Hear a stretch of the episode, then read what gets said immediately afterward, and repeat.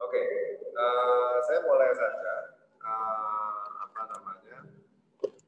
Uh, ini saya, saya, saya kasih judul cluster kreatif. Uh, tadi menggambarkan betapa potensi kita sangat besar di Indonesia ini. Uh, jadi uh, saya Handoko. Uh, memang benar saya bukan uh, sekolah di bisnis. Uh, saya sekolahnya di FISIP UI jurusan uh, kesejahteraan sosial, uh, social worker gitu ya Uh, tapi saya senang uh, art, jadi saya hobinya menggambar. Uh, jadi saya suka sekali menggambar coret-coret uh, seperti ini. Nah, saya mulai berbisnis dari filosofi kopi. Uh, saya CEO pertama filosofi kopi. Uh, saya founder dari filosofi kopi. Uh, kami bikin filosofi kopi. Uh, saya sekaligus produsernya filosofi kopi movie. Uh, kami bikin filosofi kopi berempat. Ada saya, Ciko, Rio, Angga Uh, di sini saya cuma mau kasih gambaran uh, betapa pandemi ini uh, juga memunculkan kreativitas-kreativitas baru. Salah satunya adalah kami membuat filosofi kolaborasi, uh, inisiatif uh, Ciko misalnya bikin sepeda, karena Jakarta sangat uh, booming sepeda. Kita berkolaborasi dengan produsen sepeda namanya Elemen, itu di sebuah kota kecil di Jawa, Jawa, Jawa Tengah uh, di Kendal uh, dan sepedanya sangat laku. Uh, produksi pertama 1.500 habis, batch kedua 1.500 lagi habis, sekarang produksi batch ketiga. Dan kita bikin juga apa kolaborasi dengan petani-petani kopi, dengan fashion segala macam dan filosofi kopi ini bisa dibilang sudah lima tahun tapi menjadi sebuah lifestyle yang sangat kuat Eh, di beberapa kota. Kami buka di Makassar, di Semarang, di Jogja, dan di uh, Jakarta, di Melawai. Intinya sih, uh, saya menyusun secara konsep, kita punya uh, apa, creative capital, yaitu kopi itu sendiri, uh, creative conversation, uh, conversational capital yang sangat kuat uh, tentang kopi, uh, melalui film, uh, melalui culture, melalui musik, dan akhirnya menjadi sebuah kekuatan yang luar biasa. Kami, berdiplomasi melalui beberapa bentuk.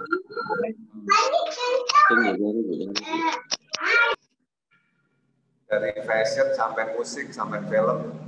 Dan kami membangun uh, istilah saya uh, secara organik itu intellectual property-nya uh, filosofi kopi sehingga berkembang menjadi sebuah ekosistem yang kuat uh, dari movie, musik, uh, buku, web series, e-commerce, uh, fashion, uh, dan lain-lain, game, uh, radio play, segala macam. Jadi kita sebenarnya membangun konten uh, dan ini sebenarnya sebuah peluang yang sangat valid di Indonesia ya, bahwa kita ternyata kaya sekali ya, kaya kopi, kaya kakao, kayak vanilla dan lain-lain dan kita bisa kembangkan menjadi sebuah uh, apa kekuatan kopi uh, dan kita juga bisa menyinggung masalah lingkungan uh, apa namanya uh, peduli terhadap uh, burung misalnya terhadap uh, sekawanan uh, apa namanya uh, amang monyet segala macam. Jadi sebenarnya peluang kita banyak uh, sehingga saya sendiri sebenarnya menjalankan sebuah model bisnis berbasis inovasi, eh, apa namanya banyak melakukan kolaborasi-kolaborasi, co-creation, membangun konten, eh, dan dan ini yang saya bikin eh, di Mblock juga. Eh, dan beberapa proyek yang saya jalankan. Nah, kenapa saya senang diundang teman-teman di Bremen ini? Karena eh, apa namanya nah, mudah-mudahan dengan saya sharing ini saya bisa bersilaturahmi dan dan bisa selalu menyebarkan uh, semangat bahwa brand lokal ini memiliki uh, peluang yang sangat besar uh, dengan spirit kolaborasi yang memakmurkan. Kita bisa bikin banyak hal sebenarnya di Indonesia. Uh, kita bisa uh, punya bonus demografi yang sangat kuat. Kita bisa membangun ide dari crowd uh, dan kita bisa melakukan uh, apa namanya ya uh, membuat format-format atau platform bisnis baru yang saya yakin sebenarnya di Indonesia lebih fleksibel dibandingkan dengan katakanlah di Singapura misalnya contohnya ya atau di Jepang gitu ya aturannya begitu banyak gitu. Di Indonesia ini masih sangat terbuka gitu ya untuk kita bereksperimen untuk apa namanya melakukan model-model bisnis yang yang berbasis cerita yang kuat sehingga kita bisa membangun ini menjadi sebuah kekuatan dan kita bisa membangun value creation. Nah ini saya berikutnya saya akan cerita tentang M-Block. M-Block ini uh, saya bangun bersama teman-teman. Uh, ada Bung Glenn Fredly yang sudah mendahului kita. Uh, dia musisi tapi sekaligus pejuang kemanusiaan. Uh, ada Mas Yakob, arsitek. Uh, ada Mas Wendy, musik kurator. Ada Pak Mario, finance. Satu lagi Mas Lance, sutradara film Eh, ketua pelaksana eh, pelaksana FFI dan kami membuat sebuah model bisnis yang purpose-nya kuat gitu membangun sebuah kreatif hub di selatan Jakarta dengan uh, riset kuat kekuatan kultur dan kreatif Jakarta Selatan akhirnya kami membuat uh, M Block Space. Uh, M Block Space ini sebuah hub kreatif uh, yang yang memanfaatkan ruang kosong uh, dari aset milik Peruri. Uh, dan kita sebenarnya membangun ekosistem uh, apa bisnis yang cukup uh, ambisius dan cukup uh, apa ya purpose-nya cukup kuat gitu ya. Jadi ini memang kita lakukan secara passionate gitu untuk kita akhirnya membangun M Block Space ini. Nah, M Block Space sekarang ini di zaman pandemi justru kita mengembangkan istilah kita M Block Space fase kedua. Fase pertama itu terdiri dari uh, perumahan yang di depan ini kita isi dengan brand-brand lokal keren. Ada kedai kopi titik temu, ada kebun ide, ada uh, apa namanya uh, roseman, dan lain-lain, ada fashion juga, ada ada apa uh, toko untuk komik-komik, uh, karakter lokal dan lain-lain. Sekarang kita memasuki fase kedua dengan spirit yang sama. Kita istilahnya ini placemaking. Saya yakin di Jerman ini banyak sekali uh, apa namanya placemaking. Kalau kita ngomong di Berlin atau di kota-kota lain, nah, terutama kota-kota yang yang lama gitu ya uh, itu banyak sekali placemaking, bagaimana bangunan lama itu dikembangkan gitu ya. Uh, dan ini sebenarnya ini yang saya lakukan di uh, M Block. Dan di fase kedua kami menambah dua aset, kita bikin yang namanya Creative Hall dan M Block Market. Jadi tambah dua aset, ada dua gudang dari Peruri yang dikasih ke kita dan akhirnya kami membuat ekosistem lebih lengkap di mana kita uh, ada uh, M-Block Market uh, dan Creative Hall. Nanti saya jelaskan. Jadi intinya adalah purpose kita adalah menjadi etalase brand lokal. Uh, etalase utama dari brand-brand lokal keren yang menurut saya momentumnya sangat kuat untuk dikembangkan di Indonesia, terutama di Jakarta dan kota-kota lain juga. Jadi ini yang memang saya sama teman-teman gagas bagaimana uh, kultur kultur yang kita punya gitu ya dari baik itu musik, uh, uh, literasi food dan lain-lain itu ternyata bisa menjadi kekuatan uh, ekonomi kreatif yang sangat dahsyat sehingga dengan pola yang sama seperti yang tadi saya bikin di filosofi kopi kita berangkat dari concern, uh, purpose, uh, conversational capital atau creative capital, uh, diplomasi, uh, dan impact, uh, dan uh, berbisnis IT gitu ya. Misalnya salah satu contoh kultur yang kita bangun di sini atau creative impact yang kita bangun di sini adalah kultur jalan kaki uh, di M. Uh, M Block sendiri kalau mau dinarasikan uh, M M dari huruf M itu bisa berarti music,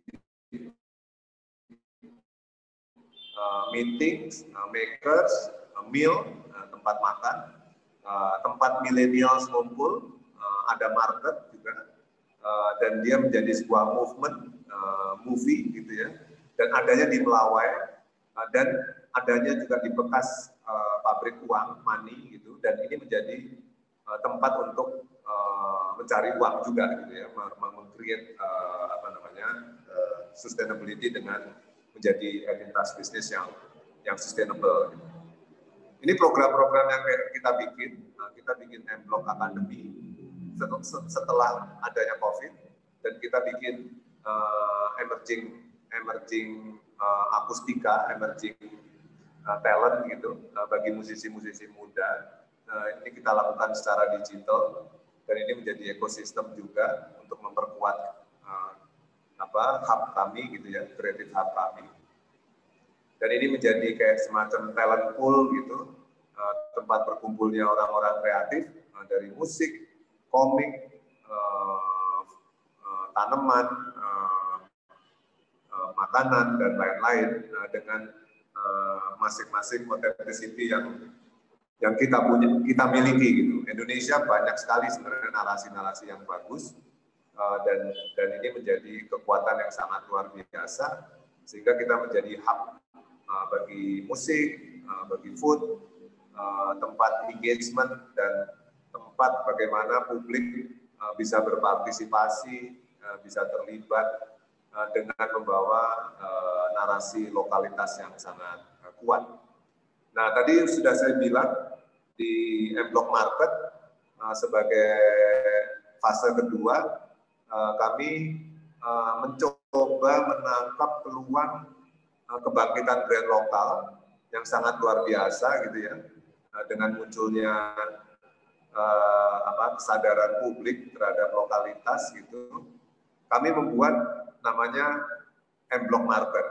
Jadi M Block Market ini kita bikin uh, untuk dalam tanda petik merayakan eh, apa namanya eh, kebangkitan dari eh, para UKM eh, yang sangat luar biasa ya, eh, terutama UKM-UKM muda gitu, para produsen eh, vanila, kakao, eh, beras, eh, terutama esensial ya, eh, barang kebutuhan pokok, eh, minuman segala macam. Jadi kita tidak hanya membangun grocery store, tapi the market adalah sebuah movement memberdayakan uh, brand-brand lokal dan ini sangat luar biasa ketika kita membangun seperti ini. Ini kita akan buka di akhir bulan Februari ini, jadi tinggal satu setengah bulan lagi. Nah, sekarang sudah mendekati selesai.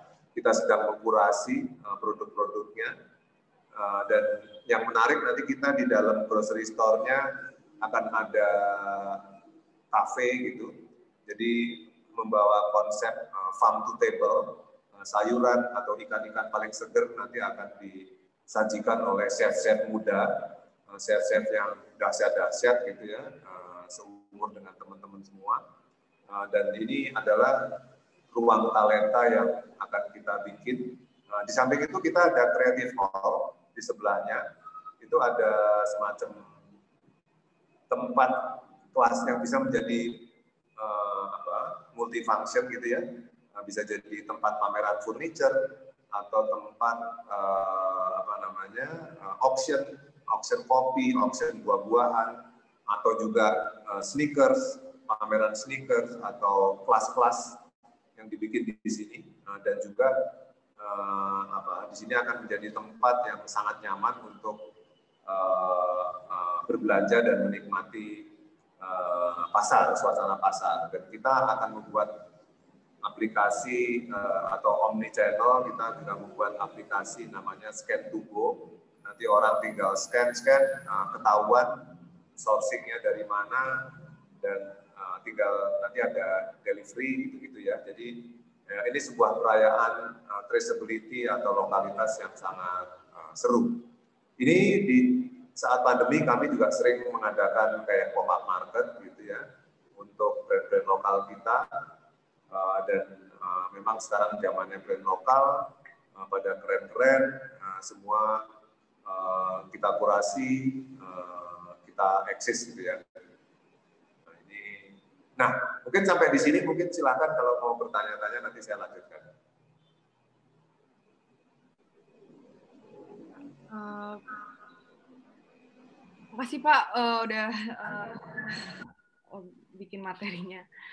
Um, saya ada pertanyaan sih Pak. Um, gimana sih Pak awalnya Bapak membanting setir dari awal lulus kuliah karena mengingat Bapak kuliahnya itu uh, bukan bisnis. Uh, itu gimana cara Bapak membanting setir ke arah bisnis? Karena kita berdua punya kesamaan, Pak. Jurusan, jurusannya sama-sama social workers, tapi baru sadar kalau mempunyai jiwa seni gitu. Uh, Oke, okay. uh, sebenarnya nggak ada apa ya nggak ada rencana untuk banting setir atau katakanlah uh, ya semuanya ngalir begitu saja. Uh, saya dulu uh, lama sebagai konsultan, saya, saya sebenarnya creative director, saya desainer.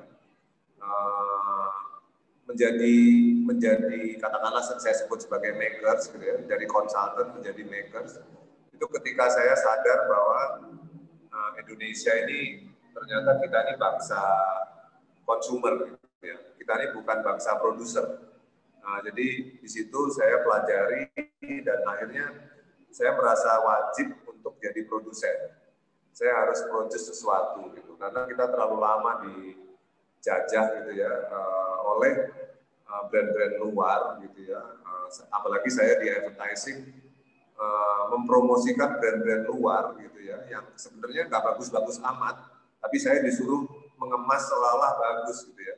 Jadi menurut saya uh, sebagai generasi sekarang, apalagi saya yang sudah cukup telat gitu, saya saya berkewajiban untuk merubah itu gitu. Kita harus menjadi makers, gitu. kita harus produce sendiri barang kita gitu.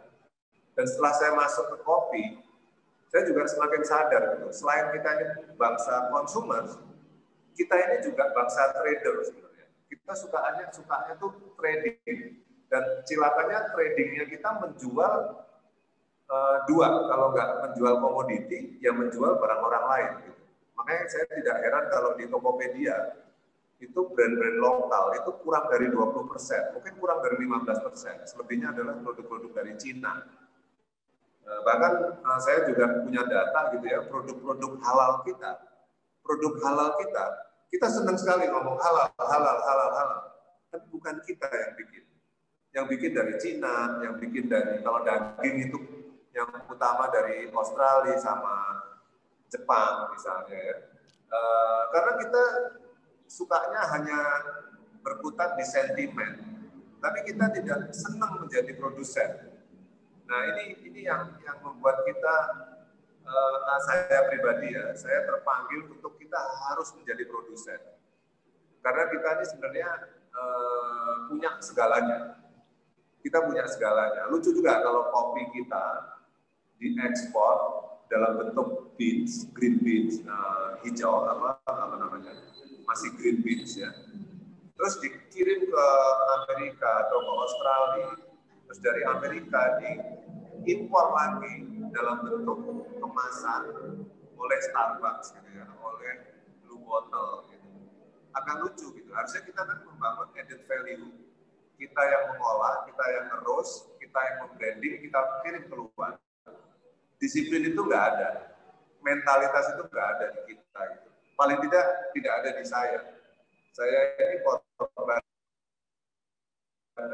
dari generasi yang produk-produk luar seperti saya bilang ya produk Coca-Cola, Starbucks, uh, McD segala macam. Tapi kita tidak tidak tidak mau uh, jualan dari lokal. Nah, generasi teman-teman semua ini punya kesempatan yang sangat besar. Dan saya sangat akrab dengan teman-teman yang membangun brand-brand uh, muda ini. Gitu ya. Ada teman-teman saya seperti uh, Bergreen, uh, Helga masih sangat muda, dia bikin uh, Bergreen, ada Talita dengan Bo, bikin bakery, uh, dan lain-lain. Banyak artisan-artisan brand yang berkembang di Indonesia sekarang. Banyak petani-petani muda. Kenapa? Uh, ya contohnya Mas Nanda juga Magnato atau Magnato. Ya betul. Banyak lah. Betul. Um, fun fact Pak, uh, benar nggak sih Pak Bapak yang buat uh, slogan teh botol sosro? Kenapa? Betul nggak sih Bapak yang bikin slogan teh botol sosro? Apa pun makanannya, minumnya teh. Oh iya dulu. Tapi sampai sekarang Betul. masih hit Pak ya masih hit tapi saya nggak boleh bangga ya. Itu itu itu masalah milik saya gitu. Karena kan saya sebagai konsultan aja gitu. Jadi saya merasa uh, itu udah masa lalu dan uh, apa ya uh, itu kan di level awareness ya di, di level, tapi bukan di level uh, bagaimana menjadi makers gitu. Dan harusnya teh botol juga harus uh, sebagai brand lokal harus harus bertransformasi harus membangun spirit barunya harus menghadapi situasi yang sangat berbeda gitu ya ketika saya bikin tagline itu. Tagline itu kan tahun 2004 2005 ya udah cukup lama. Nah, saya nggak tahu apakah masih relevan atau tidak. Uh, menurut saya zamannya udah sangat uh, mungkin teman-teman yang lain punya pertanyaan, kayaknya nggak enak pak kalau kita ngobrolnya berdua doang. Uh, bisa di chat. Ya. Oke, okay. ini dari Warkop Bremen. Teruntuk Pak Handoko, izinkan kami bertanya. Perkenalkan kami dari Warkop Bremen. Kami dari Warkop Bremen yang bertujuan untuk berpartisipasi dalam memperjuangkan kopi Indonesia di kancah internasional. Nah, kira-kira apakah filosofi kopi ke depannya juga akan merambat di kancah internasional, Pak? Untuk pertanyaan kedua, untuk masuk ke pasar yang lebih luas, pastinya kita membutuhkan specialty kopi. Pada dasarnya, untuk pasar Eropa masih terbuka kuota kopi yang sangat banyak. Namun, kendala yang kendalanya permintaan itu belum dapat diimbangi dengan jumlah hasil specialty kopi kita, Pak. Um, Apakah filosofi kopi juga telah menyiasati hal tersebut? Mungkin dengan berhubungan langsung dengan petani kopi dan membina agar dapat menghasilkan kopi yang dapat bersaing dan di atas kertas dapat dipasarkan lebih luas lagi. Ini salah satu brand lokal Pak, uh, dibuat dari uh, dibuat uh, sama anak-anak muda di Bremen. Produk lokal. Ya, ya oke. Okay. Memang uh, kalau kita ngomong produk kita diekspor atau pengen dijual di Amerika atau di Eropa atau di Australia atau di negara lain pasti pengen ya. Nggak mungkin nggak pengen kita. Uh, cuman saya merasa uh, apa kita harus punya punya strategi yang lebih lebih solid gitu ya. Uh, saya merasa Eh, sekarang ini saya lagi mempersiapkan strategi yang lebih lebih solid uh, dalam arti uh, kita ini sebenarnya sudah sangat sangat sangat saya nggak mau ngomong kopi dulu ya secara keseluruhan ya. Kita ini sangat ketinggalan dibandingin Thailand kita udah tahu. Uh, dibandingin Thailand kita sangat ketinggalan. Katakanlah apa namanya uh, food chain food chain dari Thailand itu cukup banyak di dunia. Saya nggak tahu di Bremen ya. Uh, bahkan sekarang kita ini sudah kalah dengan Vietnam. Uh, Vietnam itu jauh lebih agresif dibandingin Indonesia gitu ya. Bahkan saya dengar kita udah mulai kalah dengan Laos. Karena kita tidak punya diplomasi yang baik untuk uh, membangun ekosistem itu. Saya sendiri sekarang lagi membantu Sarina uh, untuk uh, apa namanya membangun narasi dan membangun ekosistem yang lebih baik. Uh, kita butuh semacam ruang-ruang uh, literasi uh, food beverage yang sangat kuat, uh, which is uh, Indonesia ini sangat sangat kurang diplomasinya. Katakanlah dibandingkan dengan Vietnam atau tadi saya sebut apalagi dengan Thailand, gitu. apalagi dengan Korea gitu ya Korea itu sekarang sangat luar biasa. Anak saya yang umur waktu itu SMP itu tiba-tiba ngajak saya uh, untuk makan kimchi, ya. pergi ke restoran dan mau makan kimchi. Uh, itu karena efek dari film, film-film uh, Korea yang begitu uh, holistik uh, pendekatannya sehingga bisa menjadi uh, sebuah diplomasi yang sangat kuat gitu. Dan Indonesia ini kita nggak ada sebuah strategi yang sifatnya holistis gitu. Dan saya tidak mau terjebak pada strategi-strategi yang atau langkah-langkah yang sifatnya uh, apa ya parsial gitu. Sehingga kalau kita jualan kopi, filosofi kopi jualan ke negara-negara Eropa, which is saya tahu marketnya sangat besar. Tapi kalau tidak diikuti dengan strategi yang besar, itu saya rasa umurnya nggak akan panjang. Katakanlah kita banyak ditawarin untuk buka eh, katakanlah di, di Washington atau di di Eropa gitu ya. Tapi kalau ketika ekosistemnya nggak dibangun dengan baik, itu akan nggak lama gitu. Buktinya itu restoran Indonesia juga banyak yang tutup sekarang di luar negeri gitu ya. Karena menurut saya belum ada belum ada sebuah diplomasi atau kerjasama yang baik antara swasta, pemerintah, dan mungkin dengan uh, publik Indonesia atau apa namanya diaspora yang yang, yang tersebar di seluruh dunia gitu. Nah, saya merasa saya pengen sekali untuk melakukan itu dan saya pengen berbicara serius soal itu. Uh, tapi uh, butuh persiapan dan tim yang sangat solid untuk itu. Tapi intinya adalah pasti pengen, pasti pengen. Uh, saya sekarang juga sedang melobi uh, untuk uh, kenapa saya masuk Sarinah sebagai konsultan uh, segala macam dan banyak berhubungan dengan uh, katakanlah uh, perkebunan-perkebunan, government segala macam uh, untuk untuk membangun ekosistem itu. Tapi pastinya pengen untuk ke sana. Um, makasih Pak untuk jawabannya. Um, sekarang dari ada Kang Somai namanya. Teruntuk Bapak Handoko, saya ingin bertanya mengenai metode apa yang Bapak ambil untuk menghadapi industri 4.0 4.0 di ranah industri makanan dari Indonesia. Apa saja yang sudah dilakukan dan sejauh apa prosesnya saat ini? Oke, okay. jadi uh, ketika membangun brand, katakanlah uh, melalui uh, konten atau melalui purpose tadi yang saya bilang, saya selalu punya disiplin uh, apa namanya kalau pertanyaannya 4.0, uh, saya selalu membangun uh, O2O ya, uh, offline to online atau online to offline. Jadi ekosistem itu langsung uh, saya bangun gitu ya atau orang sekarang sebut sebagai omni channel gitu ya. Jadi penting sekali untuk membangun ekosistem itu. Kayak di filosofi kopi uh, kami sangat mengelola dengan baik uh, offline to online-nya. Uh, kami punya uh, Instagram atau sosial media yang sangat aktif, uh, punya apa e-commerce juga, punya e-store juga dan juga membangun ekosistem yang sifatnya bekerjasama dengan marketplace seperti Tokopedia dan lain-lain. Jadi membangun brand atau membangun brand melalui conversation itu uh, sangat menguntungkan uh, ketika kontennya memang kuat uh, karena uh, apa ya pendapatan kami melalui digital juga sangat tinggi. Uh, kami kayak tadi menjual sepeda, menjual beans, uh, menjual uh, aparel itu banyak melalui uh, digital.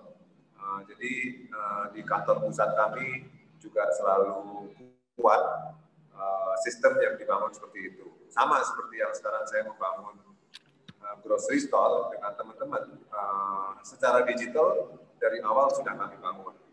Uh, sehingga itu menjadi aset uh, bisnis uh, digital uh, itu sangat penting dari awal dan saya sangat yakin bahwa digital tidak bisa jalan tanpa ada uh, offline-nya gitu uh, offline tidak bisa jalan tanpa online online tidak bisa jalan tanpa offline itu harus menjadi disiplin yang yang kita miliki. Ya, uh, saya bertanya juga Pak tentang yang ini lebih penting mana Pak uh, bicara tentang konsistensi konten atau authenticity? authenticity lebih penting. Uh, kita kita ini uh, apa namanya? Authenticity itu kan sebenarnya kan uh, yang membuat kita punya karakter dan membuat kita dikenal ya. Kadang-kadang uh, apa namanya? Kita berubah bisa aja uh, selama kita otentik gitu ya. Uh, of course konsisten juga penting, tapi yang lebih penting adalah otentik gitu. Uh, ketika saya punya katakanlah concern terhadap lokalitas gitu, uh, saya bisa melompat-lompat sebenarnya. Uh, kayak misalnya kayak filosofi kopi tadi tiba-tiba jualan sepeda, gitu. sebenarnya nggak konsisten juga. Filosofi kopi kok jualan sepeda, gitu uh, tapi ketika ketika apa memang relevan dengan katakanlah kedai kopi yang tempat nongkrong anak sepeda dan juga kolaborasinya memberdayakan uh, teman lain gitu, uh, which is itu produsen sepeda gitu, uh, yang dari Kendal tadi. Kenapa uh, ketidakkonsistenan kalau itu dianggap sebagai tidak konsisten, ketika dia dibungkus dengan bukan dibungkus ya, ketika dia otentik Eh, dan dia menjadi bagian dari perubahan, nggak masalah juga. Nggak masalah juga. Siapa tahu suatu hari filosofi kopi bisa buka hotel gitu. Uh, ya kita tahu ya kayak Disney gitu. Disney itu nggak konsisten juga. Uh, Disney dulu kan dari komik ya, dari karakter gitu. Terus tiba-tiba bikin cruise gitu ya. Uh, jauh banget gitu. Disney tiba-tiba punya uh, cruise gitu Konsisten enggak? Enggak. Tapi otentik. Otentiknya dia adalah Disney, uh, Mickey itu membuat orang gembira. Happiness. Happiness menjadi authenticity-nya dari uh, Disney. Nah itu yang uh, harus dimiliki. Gitu. Kalau M Block, uh, authenticity-nya adalah uh, creative and and culture gitu ya, cultural and creative gitu. Nah itu yang menjadi concern kita. Gitu. Ketika kita mau bikin majalah, majalah tentang uh, musik kreatif uh, cultural ya nggak apa-apa juga kenapa kok tiba-tiba jadi punya majalah konsisten nggak? Bisa jadi enggak tapi karena punya purpose terhadap dunia itu why not kita buka itu? Exactly. something kayak gitu. Exactly. Um, dilanjut ya pak pertanyaannya? Agak banyak nih. Uh, perkenalkan pak nama saya Dedi bagi saya networking sangat penting dalam berbisnis. Bagaimana cara Bapak dalam memperluas networking? Dan bagaimana cara membedakan bad atau good networking. Serta gimana cara Bapak menjalin komunikasi yang baik untuk networking. Terus ada juga dari Rafdani, mau nambahin pertanyaan Dedi sekalian, gimana Bapak mengelola relasi?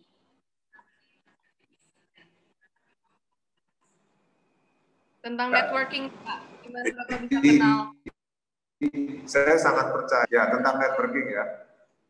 Saya sangat percaya bisa. Halo, ya. Halo. Oke tentang net, tentang networking uh, agak delay ya. Ya, uh, saya oke okay, saya menjawab tentang networking uh, bahwa bisnis itu menurut saya sejatinya adalah connecting the dots.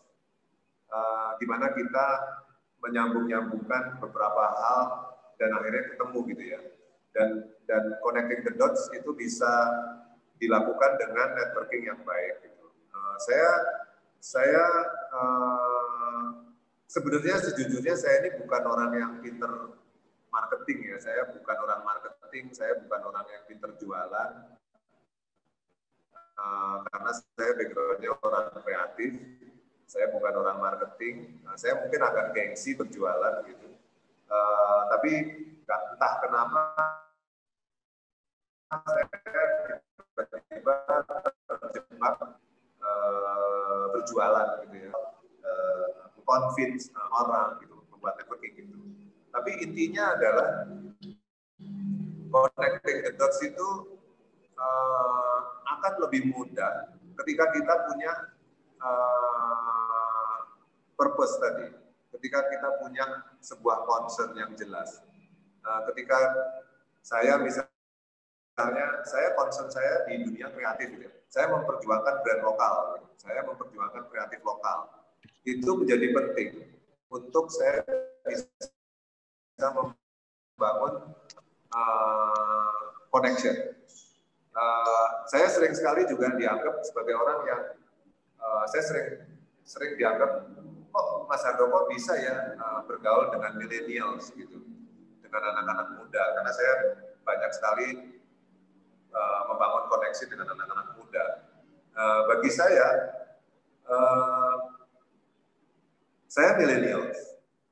Uh, itu bukan mengenai umur menurut saya. Millennials itu mindset sebenarnya. Ketika kita menjadi warga dunia yang punya concern, punya apa namanya spirit untuk memperbaiki lingkungan, punya apa namanya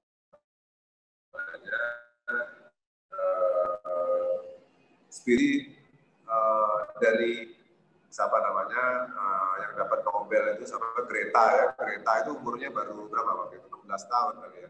15 atau 16 tahun. Uh, sampai uh, Leonardo DiCaprio sampai uh, siapa orang yang sudah tua mungkin Clint Eastwood. Bagi saya millennials. Tidak ada uh, patokan umur ketika kita mau eksis dan kita mau meaningful ke ke, ke planet ini. Jadi bagi saya uh, networking itu beyond beyond uh, umur, beyond batasan-batasan, tapi ketika kita punya purpose yang baik, kita bisa bisa melakukan apa, apa saja apa saja sebenarnya. Uh, mau itu sutradara film yang sudah 70 tahun umurnya, mungkin 80 tahun, dia masih bisa eksis, dia masih milenial gitu.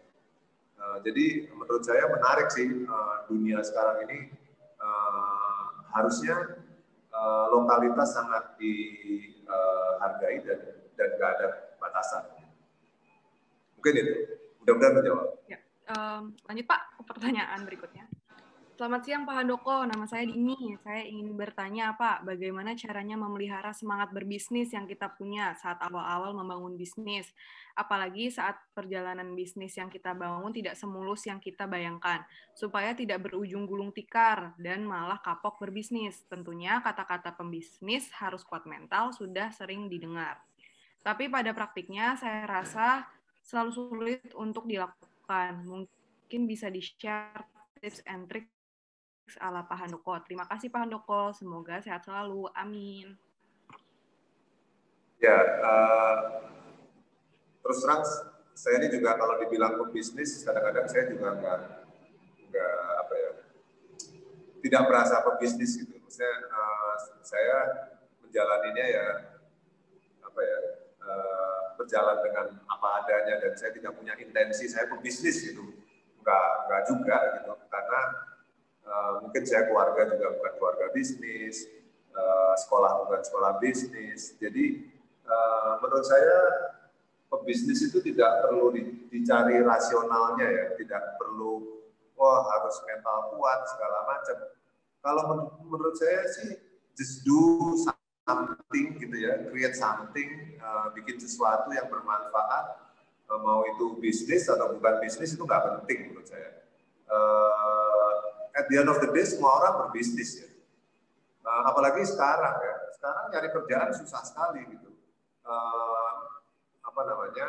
Uh, apa namanya? Ekosistemnya berubah. Uh, dulu justru zaman saya, zaman saya itu kan uh, saya kuliah uh, masuk kuliah tahun 83 ya di di, di UI. Uh, ketahuan umurnya. Uh, dulu masih disedot oleh katakanlah uh, industrialisasi gitu ya. Nah, dulu masuk kerja uh, di kalau nggak di media, di advertising atau di big corporation uh, segala macam. Sekarang udah beda sama sekali. Kayaknya mau nggak mau harus bisnis, mau nggak mau harus bisnis atau bekerja di tempat orang yang bisnis uh, dan dan harus punya mentalitas bisnis gitu. Jadi entrepreneurship itu menurut saya udah bukan bukan pilihan lagi gitu. Dan sekarang semakin ke sini uh, saya amati ya teman-teman saya sekarang bisnis dari rumah-rumah gitu ya. Uh, banyak uh, mungkin yang saya sebut saya nggak tahu di Bremen ya. Uh, saya saya rasa sama. Spirit neighborhood itu kuat sekali muncul. Brand-brand yang dengan spirit neighborhood itu sangat muncul di Indonesia.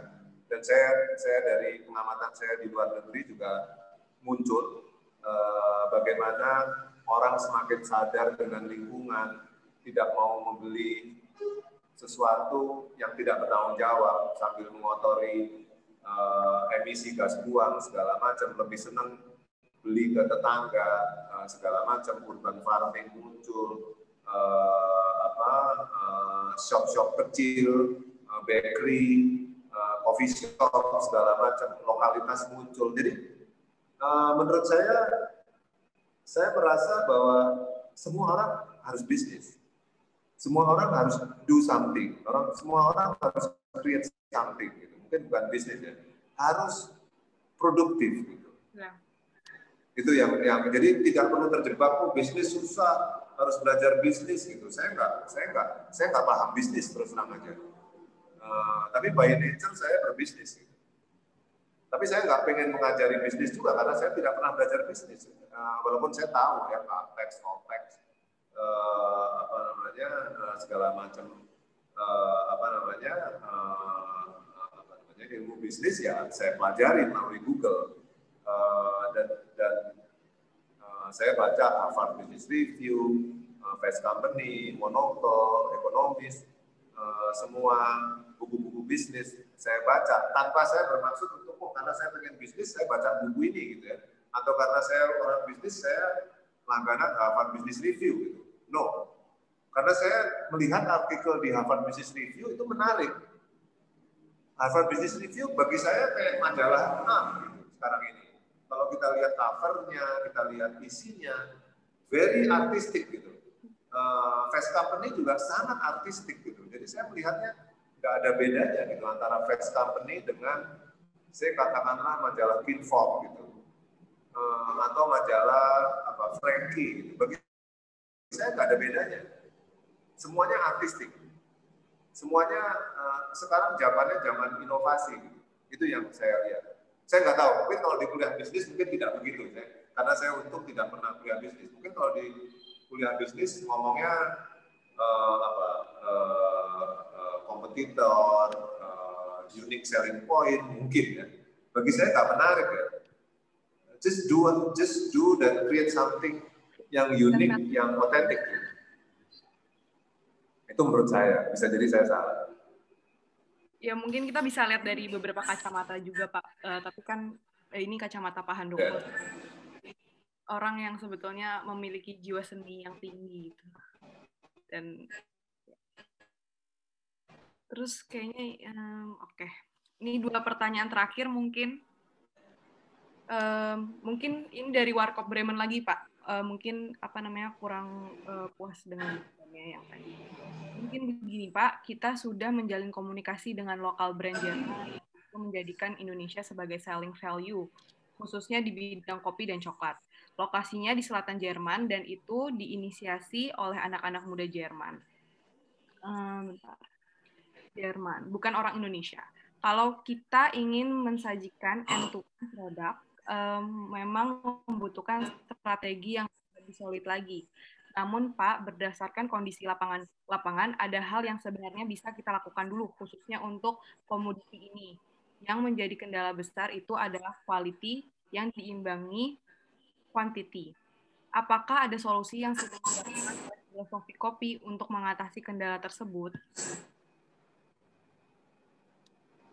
Uh, sorry, bisa dipersingkat nggak uh, jawab apa pertanyaannya supaya um, jadi namun Pak berdasarkan kondisi lapangan lapangan ada hal yang sebenarnya bisa kita lakukan dulu khususnya untuk komoditi ini.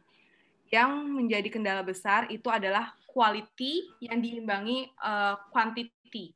Apakah ada solusi yang sedang dilakukan filosofi kopi untuk mengatasi kendala tersebut?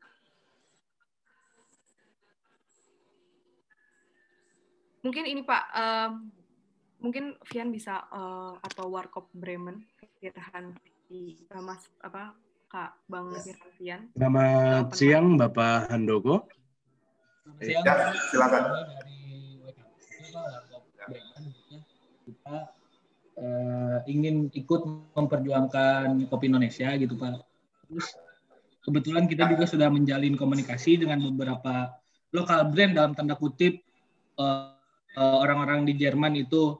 Nah, uh, ada yang kami kontak gitu dan uh, Indonesia ini menjadi uh, selling value buat mereka gitu. Maksudnya, oh ini hasil kopi atau coklat dari Indonesia.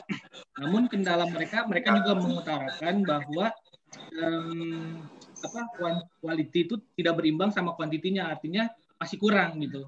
Dan jujur mereka kualitinya kurang ya. Ya, jujur mereka kebingungan juga untuk untuk gimana nih cara cara caranya gitu kan. Tentunya dengan yang paling gampang tuh kan uh, ikut juga mem membina petani itu gitu kan agar kualitinya bisa bisa ya. bisa kualitinya betul kualitinya bisa masuk juga gitu. Yeah.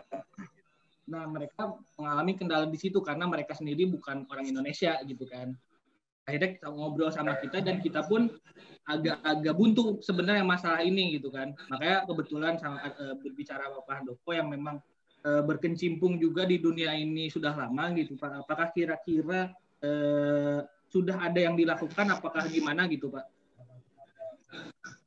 Ya. Apa? Oke okay, saya nangkap makasih Pak. Terima kasih Pak. Oke okay.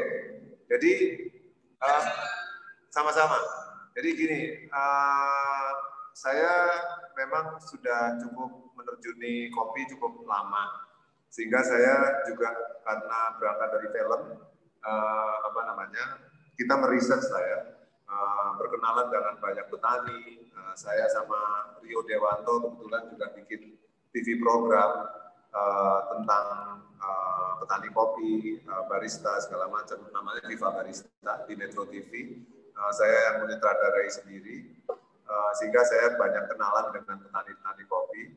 Jadi memang kita punya problem sangat serius dengan kualitas, uh, sehingga uh, apa namanya uh, apa namanya gini, orang tua petani nggak mau anaknya jadi petani di Indonesia itu.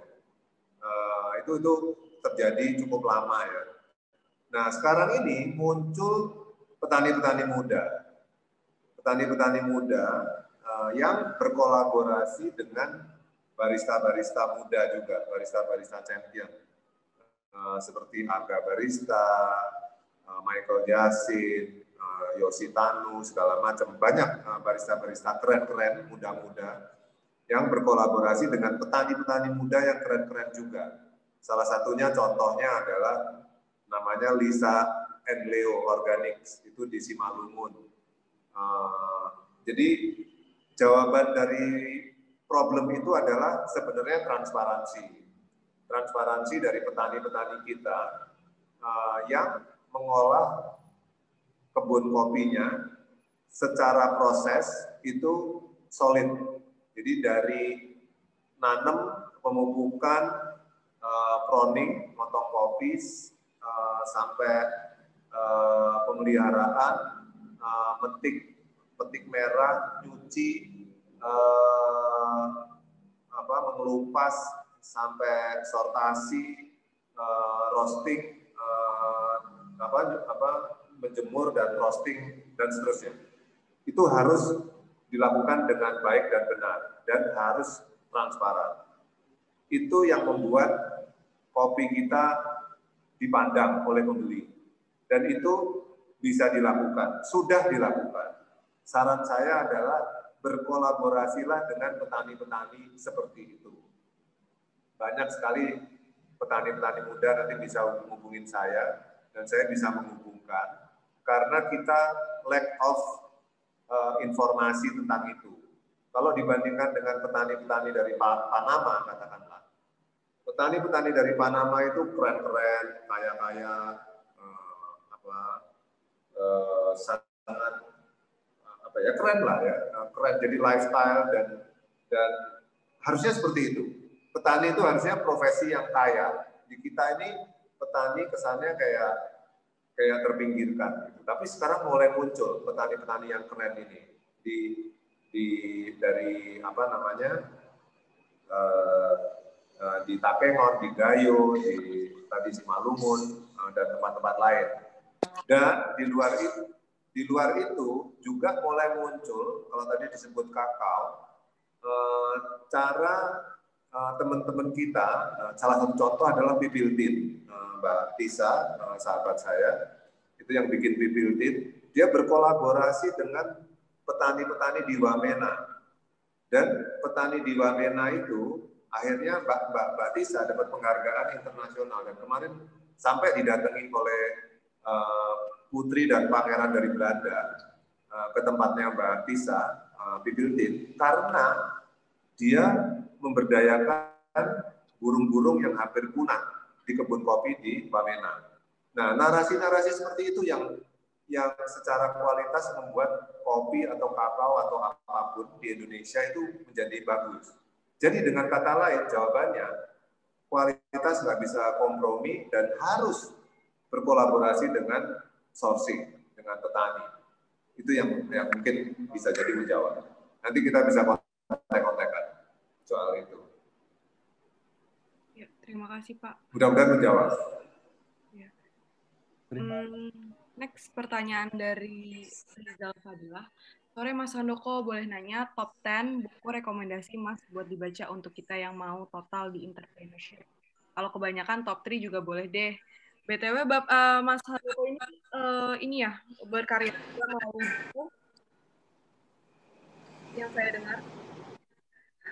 Sorry, sorry. Yang ditanya apa tadi? Rekomendasi apa? Top 10 buku rekomendasi atau top 3 buku rekomendasi. Oh,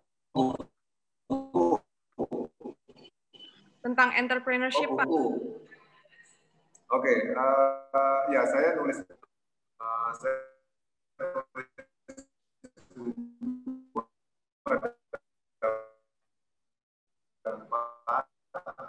kalau tentang entrepreneurship apa ya kan saya suka buku-bukunya uh, apa uh, Simon Sinek itu kayaknya cukup populer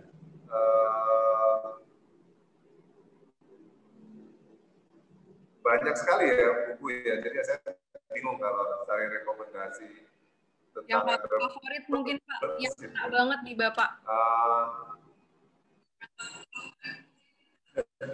favorit.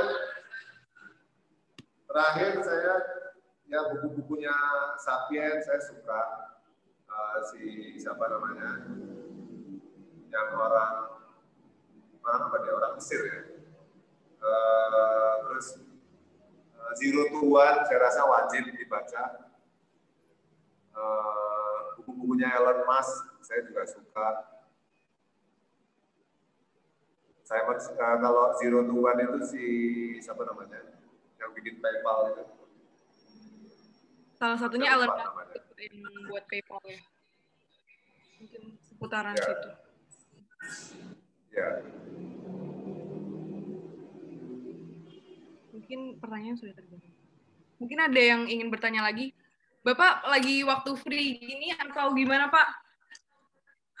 Selama... Saya sebentar lagi meeting sih, jam 6.15. Oh, Oke. Okay. Oh mungkin Zero to One ya Pak bukunya. Wow. Ah, Zero to One, betul. Nah, siapa yang ngarang jadi lupa saya. Uh, uh, jadi lupa Itu Peter Thiel. Peter Thiel. Peter Thiel.